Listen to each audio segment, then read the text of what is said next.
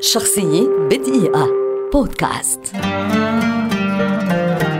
روبرت زيميكيس مخرج سينمائي منتج وكاتب سيناريو أمريكي ولد عام 1951 ويعد واحدا من أبرز صناع الأفلام وأشهرهم منذ الثمانينات حتى اليوم. بعد أفلام لم تنجح تجاريا جاءت انطلاقة زيميكس الحقيقية حين قدم عام 1985 فيلمه الرائع Back to the Future الذي تحول إلى سلسلة من ثلاثة أفلام. قدمت تباعا وتعرض موضوع السفر عبر الزمن بطريقة كوميدية ذكية. وتعد هذه السلسلة اليوم بخاصة الفيلم الأول منها من الروائع الخالدة في تاريخ السينما.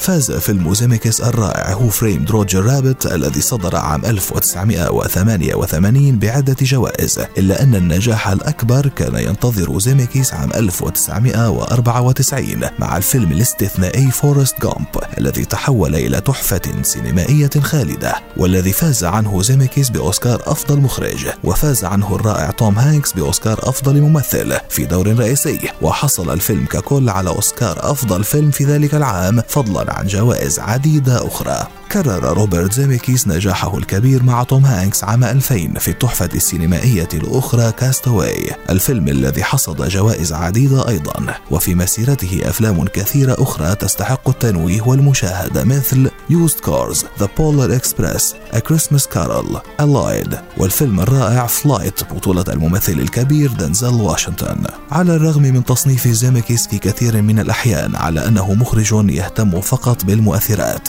إلا أن أعمال أعماله الدرامية الممتازة والثقيلة أثبتت نفسها وقد دافع عنه العديد من النقاد بما في ذلك ديفيد تومسون الذي قال في كتاباته لا يوجد مخرج معاصر يستخدم المؤثرات الخاصة لإضفاء المزيد من الأغراض الدرامية والروائية غير روبرت زيميكيس. شخصية بدقيقة.